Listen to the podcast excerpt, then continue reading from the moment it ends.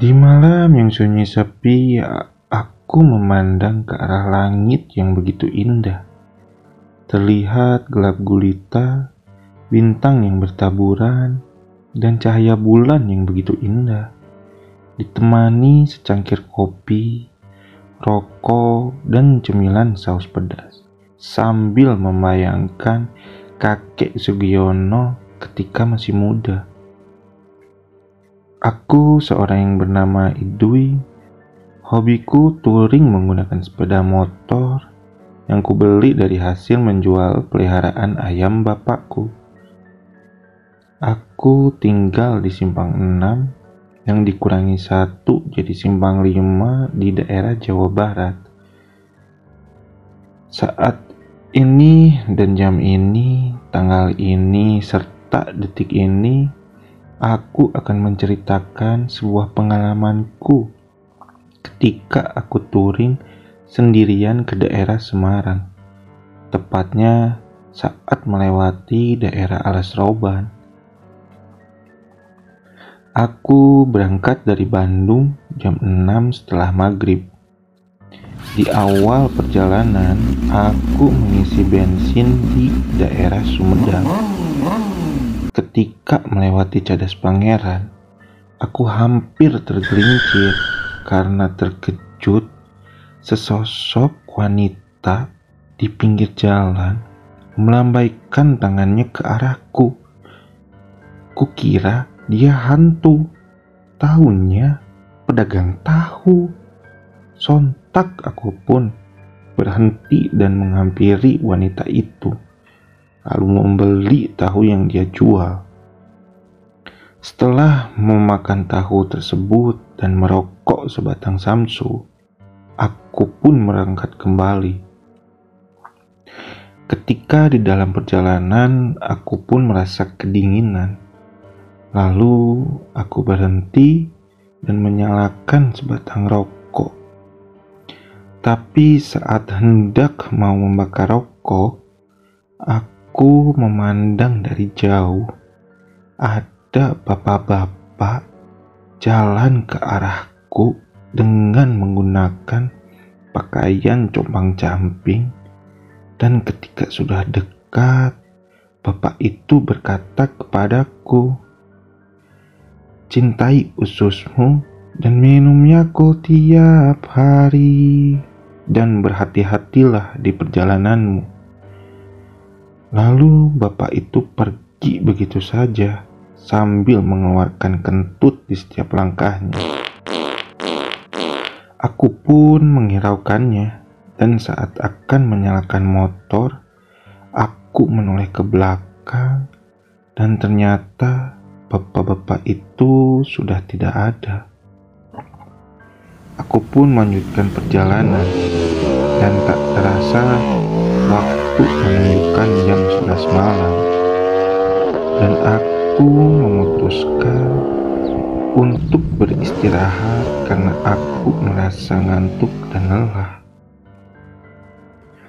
Aku pun melihat sebuah warung di pinggir jalan dan aku pergi ke warung itu untuk merebahkan badan sambil memesan kopi dan mie instan.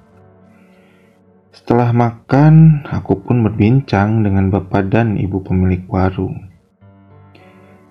Lalu aku pun minta izin untuk beristirahat sejenak di warung ini dan bapak ibu itu pun mempersilahkannya. Sekitar 30 menit aku beristirahat, aku pun melanjutkan perjalananku menuju Semarang. Namun, dalam hati ini terasa seperti ada yang janggal, karena setelah mengobrol dengan bapak dan ibu warung tersebut, mereka bercerita hati-hati ketika lewat di jalan alas roban, apalagi jam segini. Tapi aku tetap melanjutkan perjalananku. Setelah memasuki area alas roban, aku sedikit merinding karena jalanan ini sangat sepi dan gelap, dikelilingi hutan belantara. Lalu tiba-tiba aku melihat dari arah kanan seperti ada yang menggelinding.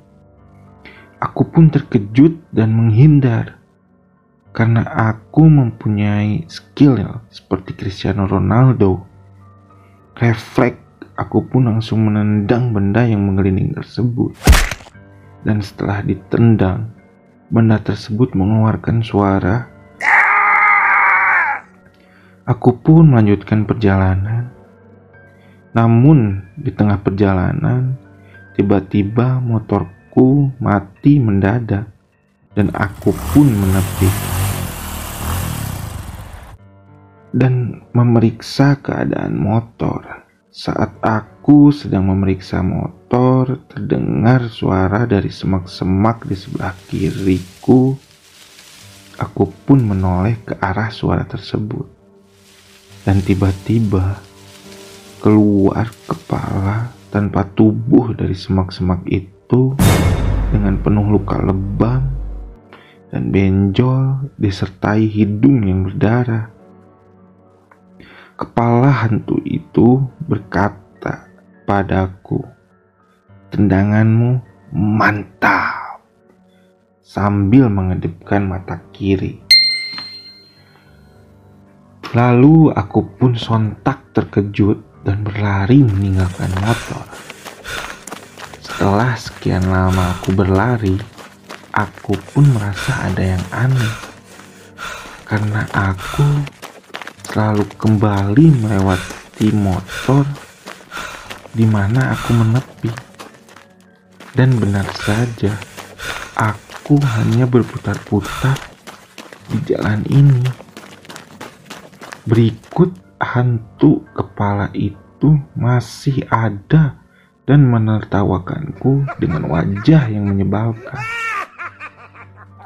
Karena sakit hati dan capek, Aku pun menendang motor dan tiba-tiba motorku pun langsung menyala. Aku pun langsung tancap gas pergi meninggalkan hantu kepala tersebut. Akan tetapi hantu kepala itu terbang mengejarku hingga dia berada di sampingku dan berkata padaku, "Standarnya, Bos." Aku pun langsung membenarkan standar motorku dan dia pun tiba-tiba menghilang begitu saja dalam kegelapan malam yang mencekam. Tak lama setelah aku dikejar hantu kepala, aku melihat sebuah warung nasi dan menepi di warung itu.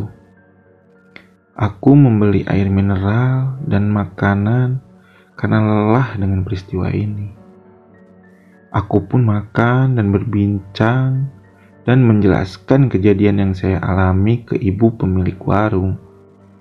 Tetapi ibu itu hanya tersenyum. Dan aku pun merasa heran. Namun rasa lelah ini menghilangkan rasa curiga terhadap maksud senyuman ibu warung. Hingga aku pun tertidur di warung itu. Ketika saya terbangun karena merasa kedinginan, ternyata hari ini sudah pagi. Sambil melihat ke sekeliling, ternyata aku berada di pinggir jalan. Lalu aku melihat sekitar, tidak ada warung di mana aku beristirahat kemarin dan aku pun merasa aneh. Ke manakah warung yang semalam aku mampir, makan, lalu ketiduran itu? Dengan ketakutan campur kebingungan, aku pun memutuskan untuk melanjutkan perjalananku ke Semarang.